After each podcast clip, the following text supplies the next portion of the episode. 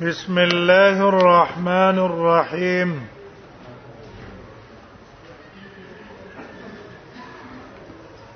باب کراهیت ما یستنجا به باب د بیان د کراهیت د اغشینو کې چې پاغه باندې استنجا کې دي شي اوس مصنف رحمه الله امام ترمذی ده اغم دلیل لاوړي ادب ذکر کوي په شان ته د امام بخاری امام ابو داود امام ابو داود هم باب یې خو باب النهي عما یستنجا به او پای کې احادیث راوړو دا د عبد الله بن مسعود روایت راوړی وو سره د نورو نه اوس دیم باب دی کراهیت ما یستنجا به او بیان د کراهت تا غشي کې چې پاغي باندې استنجا کېدې شي معنی په دې شونه باندې استنجا ناروا ده دا په نه کوي وبه قال حدثنا حناد قال حدثنا حفص بن غياس عن داود بن ابي هند عن الشعبي عن القمه عن عبد الله بن مسعود قال قال رسول الله صلى الله عليه وسلم دا عبد الله ابن مسعود رضی الله عنه نے روایت ہے وی رسول الله صلی الله علیه وسلم فرمایلی دی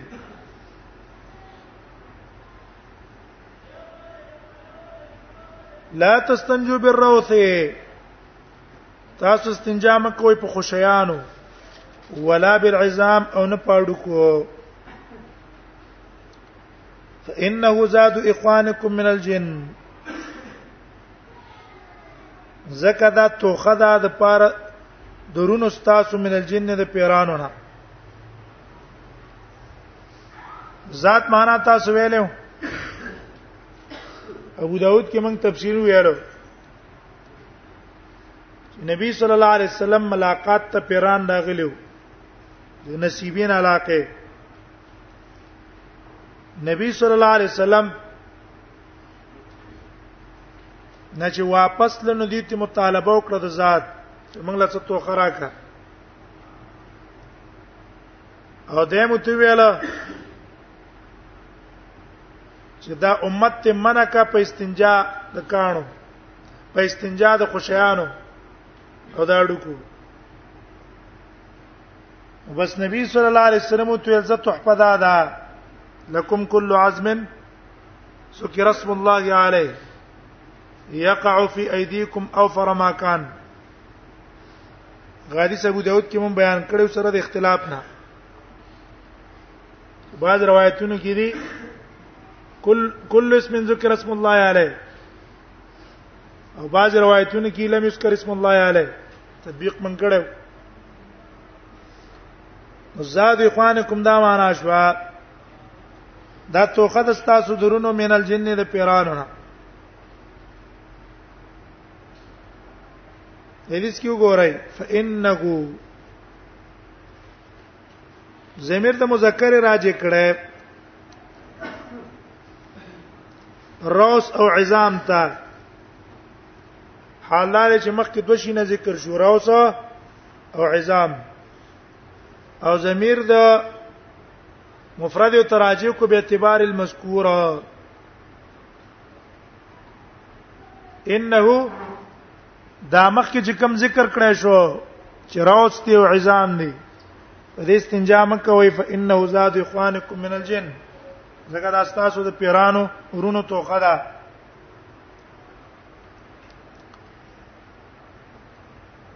لیکن په بعضو نسخو کې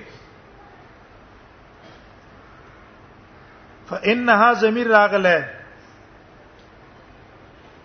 فانه پزه فانها ضمیر د مؤنث تراجه ده فانها نو بیا چې فانها ضمیر دراجه کړه ده نو دا عصر کې ضمیر راجی دی عظام ته چې دا کم قریب دی فإن هذا عظام چې دی زاد اخوانکم من الجن دا توخه د تاسو درونو د پیرانو نه او روس تابع دی د عظامو روس ذکر نکو ځکه هغه تابع دی د عظامو او د دې مثال قران کې راغلی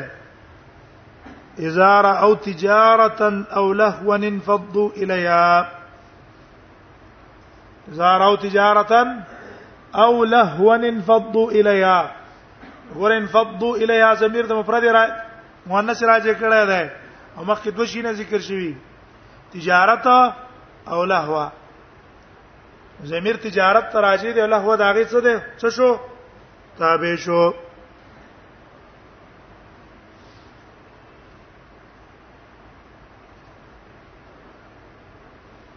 بیا چې کله زمير د عظام ته راځي کو او لوس روس نه ساکت پاتې شو نو د دې نقطې او حکمت د دې وجه نقطه او حکمت حافظ ابن حجر نقل کړي چې وانما سکت عن الراس لان كونه زادا لهم انما هو مجاز وید روس نه زکه چپ پاتې شوی چې دا خوشیان خود دی حقیقتا تحفه نه و او دې توخه خو نه و زګه خوشیان نه خوراک څوک حاصلې حیوانات د پیرانو نو دا توخه توخه دا حقیقتا د دې لپاره نه بلکې حقیقت کې تحفه ده د حیواناتو چون کې حیوانات تابع ته دي او اصل تحفه د دې لپاره کم شی وو اډو کیو دیو جن ضمیر اډو کو تراجی کو او رو سه داغه تابع وګرځاو ځکه حقیقت کې د دې لپاره تحفه عزامو رسول تابع زاد اخوانکم ذات ویل کی ستا ذات ویل کی ارغه شتا يتبلغ به الانسان چې دا غي په ذریعہ باندې انسان خپل مقصود او مطلوب ته ځان رسوي او خاص کر په سفر کې هغه سورلې ده طعام ده شراب ده او ما يعين الانسان على حاجته یا انسان سره په حاجاتو کې تعاون او مدد کوي پیسې شوي کوي شو دا ټول په ذات کې داخل دي فإن عذاب إخوانكم دلته ګوره نبی صلی الله علیه وسلم پیرانو تزمنګرونه ویاله یو د حدیث ته معلوم شو اثبات اخوه الايمان لاخواننا المؤمنين من الجن او پیرانو کې چې کوم مؤمنان دي غز مونږ ورونه دي مونږ دا غي ورونه او آیات کې دې اشاره ده انما المؤمنون اخوه یقینا مؤمنان رونه دي رونه دا لفظ د المؤمنون شامل له پیرانو ته هم او لفظ د المؤمنون شامل له انسانانو ته هم لہذا جایز نه دي د پاره د پیری مسلمان چې هغه د ضرور ضرر ورکی مسلمان انسان ته او دغه سي مسلمان انسان له جایز نه دی چې هغه د zarar ورکی پیری مسلمان تھا غریب منځ کې قوت ته قوت زاد اخوانکم من الجن ها عام علما دا وایي چې کله پیران زمونږ ورونه شو نو ګوره دی بم جنت ته ځي او مؤمنان بم جنت ته ځي دوانه بزي امام ابو رحمه الله تعالی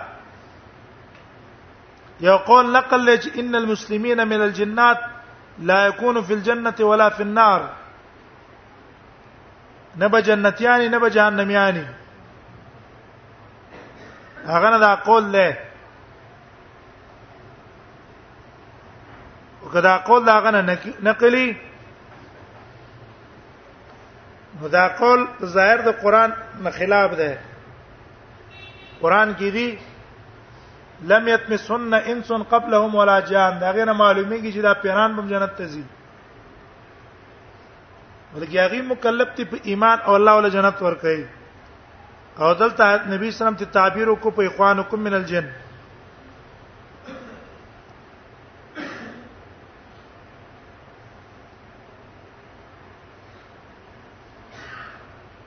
زاد اخوانکم من الجن به دې جمله نه معلوم شي چې ګوره پیرانم خوراک کوي په شان ته د انسانانو اوس دا غي کیفیت الله ته معلوم دی په کومه طریقه خوراک کوي ایا بوی په ذریعہ باندې شی راکاږي او کنه حقیقتا هم د قصې خوراک کوي خو ظاهر د حدیث نه څه معلومیږي چې حقیقتا خوراک کوي ولې ستاسو لپاره به وي په اډو کې باندې غوخی او فرماکان پورا غوخه وي پورا غوخه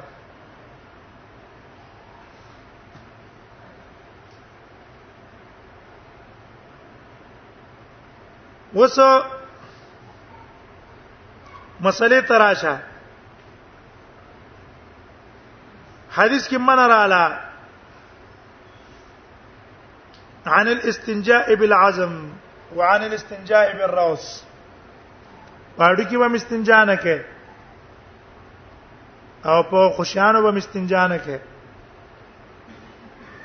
دې کې من رااله خوشانو باندې خو استنجا جایز نه ده هغه جایز نشوه لیکن په اډو کې باندې مطلقاً استنجا ناروا ده او کنا څه فرق پکې شته نو یو قول د علماو دا ده چې باډو کې باندې مطلقاً استنجا ناروا ده برابر خبره ده کدا ډوکه تازه کی وخت په تیر شوی او کدا ډوکه خاورې شوی یو دغه خاورې را استنجا پکې او کدا ډوکه تا په ور باندې سیزلې ده دغه ایره راخلی پاغه باندې استنجا کې اډو کې اجزایی هغه باندې استنجا نه روا ده جائز په نه ده دا قول دی علماو ولی په حدیث کې لفظ د عزم مطلق استعمال شوی دویم قول د بعض علماو دی هغه وای اډو کې باندې استنجا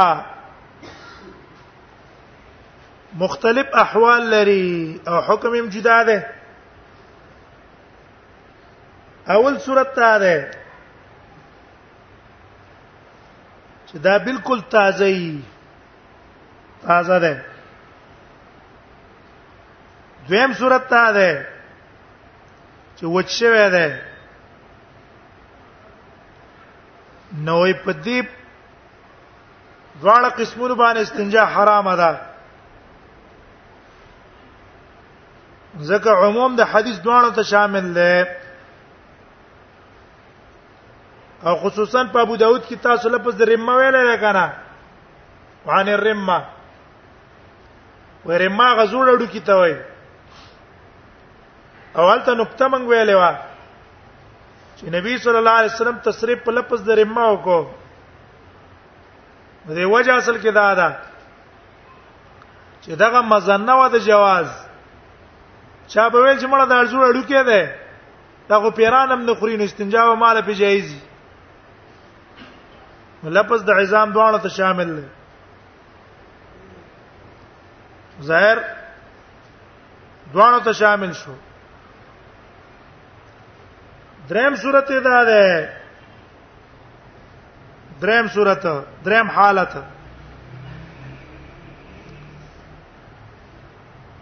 چې دا اډو کې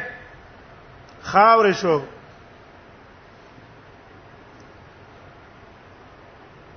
زری شو زری په خپل په غیر د سوزیدلو نه یا دا په ور کې اوسوزیدلو او به الټه کولای شو او ایرته جوړه شو آیا په دې حالت کې به پستنجا جایز ده کنه ولې چې کله خاور شو خو تراب ته جوړ شو کنه اړو کې نه شو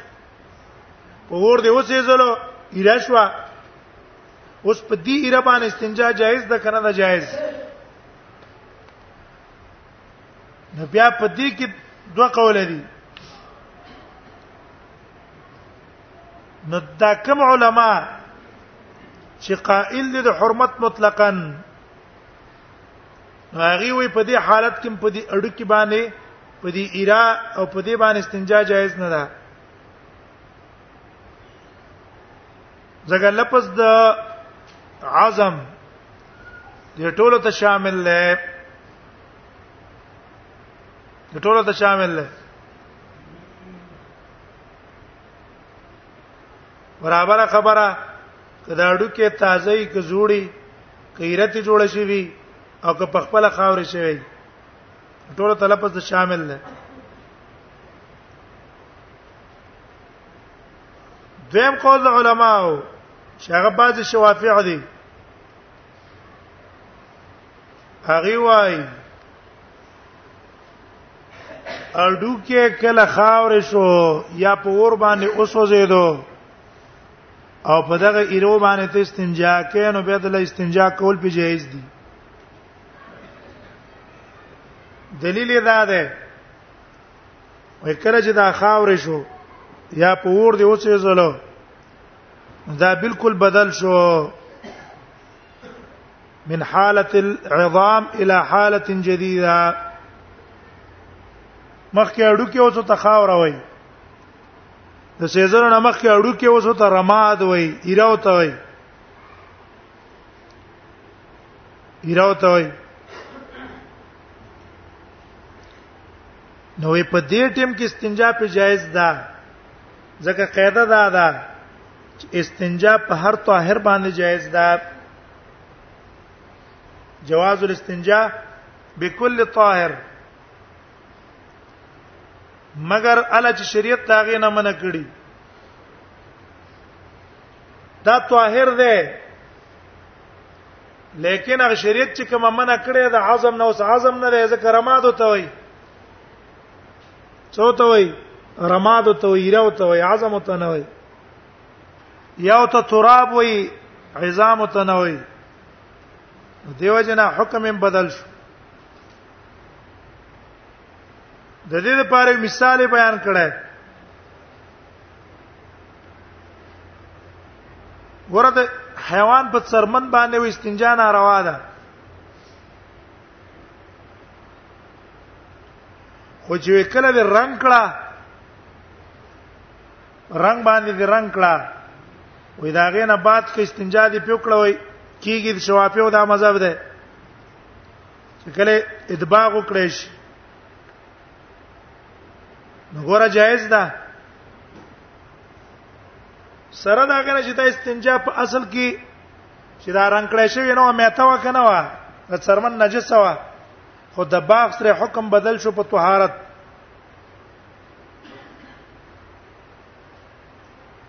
دقه سي دا اډو کې هم ده چې ودی سیزلو نو حکم بدل شو لیکن په دې کې ورانه قول راجح ده ورانه قول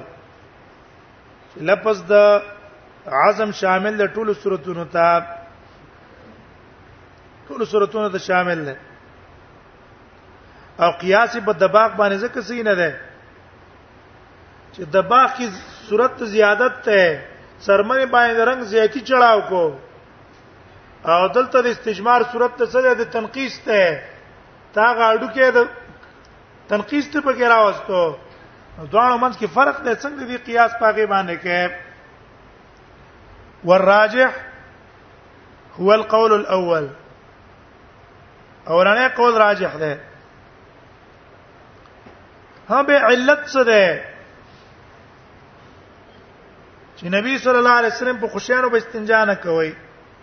پاړو کې باندې به استنجا نه کوي د دې علت څه ده نو یو علت انهما من طعام الجن لکه دا حدیث په دلیل ده فانه ذات اخوانکم من الجن دا د پیرانو خوراک ده اډو کې نه پیران پیدا اخلي او د دې نور شینو نه خوشیانو نه داغه حیوانات تخلی دغه علت شو دویم علت امام داری قطنی نقل کړی دا ابو هرره زران غونا وینها ان النبي صلی الله علیه وسلم نهى ان يستنجى بروس وعظم وی نبی صلی الله علیه وسلم منع کړی دی نه سړی به استنجا وکي به روسن په خوشیانو یا به عزم پاړو کو وقال انهما لا يطهران وی وجه دار چې په دې باندې پاکي ناراضي د علت بیان کړه او امام داری قطنی دا روایت نقل کړه دا غین رستو بیا وای اسناده صحیح په دې حدیث کې علت د عدم جواز هغه دا شو چې په دې پاکي ناراضي سبول السلام والا و یو بل علت هم بیان کړه سبول السلام والا وای علل فی روایت الدار قطنی بانهما لا يطهران دار قطنی کی علت ته ده چې دا پاکول نه کوي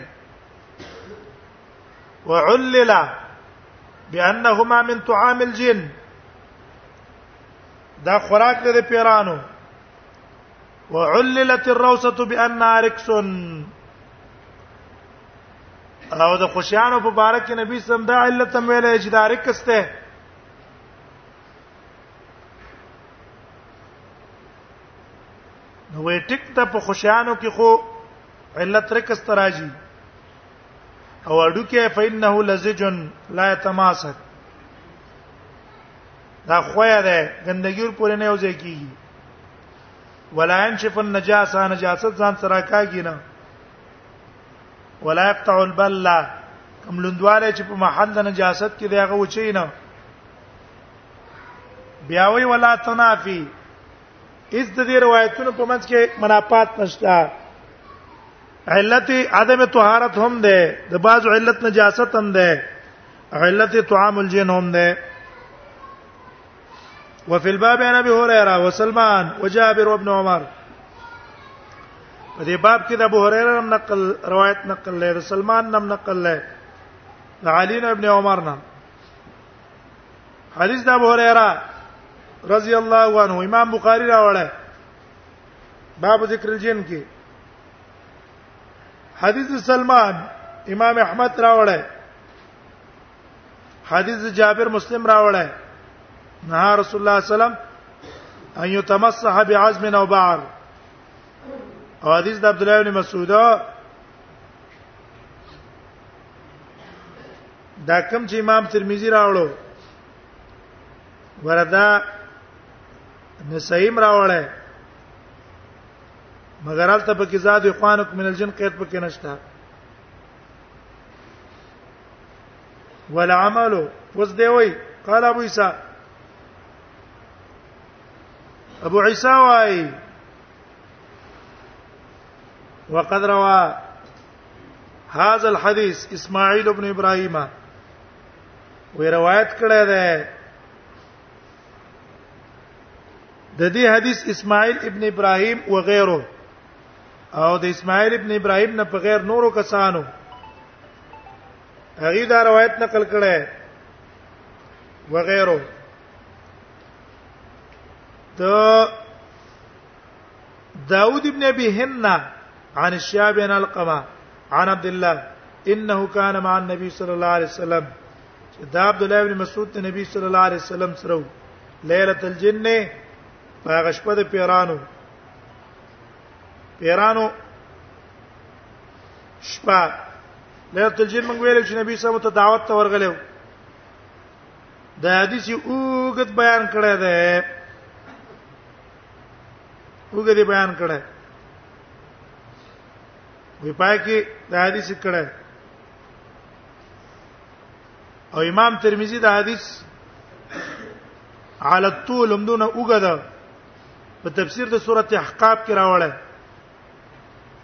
او امام مسلم په کتاب الصلات کې راوړل باب الجار بالقراءه فی الصبح او القراءه علی الجن امام ترمذی حدیث دا ده حدثنا علي بن حجر قال اسمع اسماعيل بن ابراهيم عن داود عن الشعبي عن القمه قال قلت لابن مسعود حدیث پورا واوري به په حدیث پوي شي او غرض د امام ترمذی باندې بم پوي شي قال قلت لابن مسعود هل صاحب النبي صلى الله عليه وسلم ليله الجن منكم وې د نبی صلی الله علیه وسلم څخه په ليله الجن کې تاسو نه څوک امام ترمذی وای چې وستاسو نه څوک قال ما صحبه منا احد عبد الله بن مسعود دی ویل چې څوک سره زمنګانو ولكن افتقدنا ذات ليله وهو بمكه اختي لا استيرا ما فعل به وې موږ نشپې ورک شو فبتنا بشر ليله بات بها قوم حتى اذا اصبحنا سبام کو یا سبارا خطو ټیمو اذا نحن به یجی وی نبی صلی الله علیه وسلم راغه د حرا طرفنا فذكروا الذي كانوا فيه ودیو ته دا خبره ذکر کړه فقال اتاني داعي الجنه فاتيتهم فقرات عليهم قال فانطلق ولاړو فارانا آثار نيرانهم ارانا آثارهم واثار نيرانهم نبی صلی الله علیه وسلم موږ ته داګه د اورونم آثار راو خو د جلته اورونه بن کړو قال الشعبي شعبي ويسالوه الزاده عبد الله بن مسعود نو عبد الله بن مسعود خبره په کوم دي ختمه شوه وارانا آثار ایران باندې ختمه شو شعبي وای سالوه الزاده وكانوا من الجزيره فقال كل عزم يذكر اسم الله عليه يقع في ايديكم اوفر ما كان لحما يقع في ايديكم اوفر ما كان لحما واذا باب وخنډه دكي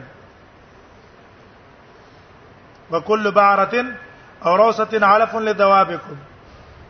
فقال رسول الله صلى الله عليه وسلم فلا تستنجوا بهما فانهما زاد اخوانكم من الجن نو اوس دا قول د چا شو د شعبي شو عبد الله بن مسعود نش اوس ته وګورئ اوس دوه غرضونه عزیز باندې ورسېدلې ور پاسم د داوود نه نقل لای او دام د چا نه نقل لای داوود ابن ابي هند نه نقل لای پای کې دی فقال الشعبي شعبي وی چې ان رسول الله صم قال لا تستنجو بالروث ولا بالعظام اوس په پیښ وی هغه تفصيلي قصه چې وګوره د عبد الله بن مسعود حدیث په کوم ځای ختم شو فارانا آثارهم واثار نيرانهم په دغه ځای ختم شو شعبي په کې دا وی چې دا کسان راغلیو او نبی صلی الله علیه وسلم ویل به کسانو ته چې لا تستنجو بعزم ولا بروس فإنه زاد اخوانكم من الجن نو پاسنی روایت او د لاندې روایت منځ کې فرق دا دی چې پاس روایت هغه متصل دی او د لاندې روایت منقطع دی ولی پاس روایت کې لا تستنجو مرفوع کړی نبی صلی الله علیه وسلم ته په قول د عبد الله ابن مسعود او په دې روایت کې موقوف دی په شعبي نو اوس امام ترمذی وایي امام ترمذی وایي چې وکأن روایت اسماعیل اصح من روایت حفص ابن غیاث وې دا د اسماعیل روایت چې منقطع ده چې دا قول شعبي ډایرک کړی چې رسول الله صلی الله علیه وسلم لا تستنجو بیاز بن ولا براوس دا عبد الله بن مسعود نه کړی د نبی صلی الله علیه وسلم نه شعبي نسبت نبی صلی الله علیه وسلم ته کړی وې دا اصح ده من روایت حفص بن غیاث دا روایت د حفص بن غیاث نه چې هغه متصل نه دا غلط ترجیح ورکړه وجد ترجیواله دا ده اصل کې حبس د داوود ابن ابي هند چې څونه شاګردان دي دا غټول نه مخالفت کړی دی داوود ابن ابي هند چې څونه شاګردان دي د موقوف نه کړ کړی دی په شعبي او حبس را لګیدل دی مرفوع کړی دی دیو امام نووي په شرح د مسلم کې وایي قال الدار قطني انتهى حديث ابن مسعود عند قوله امام دار قطني وايي دا د لارې مسعود حدیث دی قول باندې ختم شوی دی چې فارانا آثارهم و آثار نیرانهم وي مونږ ته ورونه د پیرانو د پیرانو آثار او د هغه د ورونو آثار مونږ ته راو خودلو و ما بعده من کلام الشعبي دا غي نرستو بیا دا د شعبي کلام دی کذا رواه اصحاب داود الرابع للشعبي وابن عليا وابن زريع و ابن ابي زائده وابن ادريس وغيرهم دې ټول هم د قصویل چې دا موقوف ده نو غیرو کې څوک شو په خپل دا قول نه معلوم شو چې غیر نه مراد څوک شو ابن علیا ابن زرع ابن ابي زائده ابن ادریس او مطلب دا شو چې انه من کلام الشعبي ليس مرويان ابن مسعود دا غنم نقل نه ده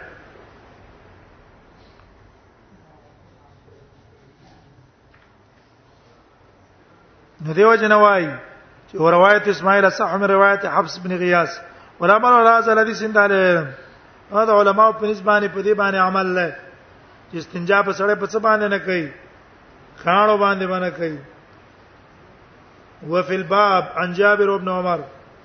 جابر نم روایت ته د ابن عمر نم نقل له چې په داشینو باندې بسړې استنجا نه کوي دا باندې استعمال او استنجا په پنه کې او فل باب عن جابر وابن عمر هغه نم نقل لي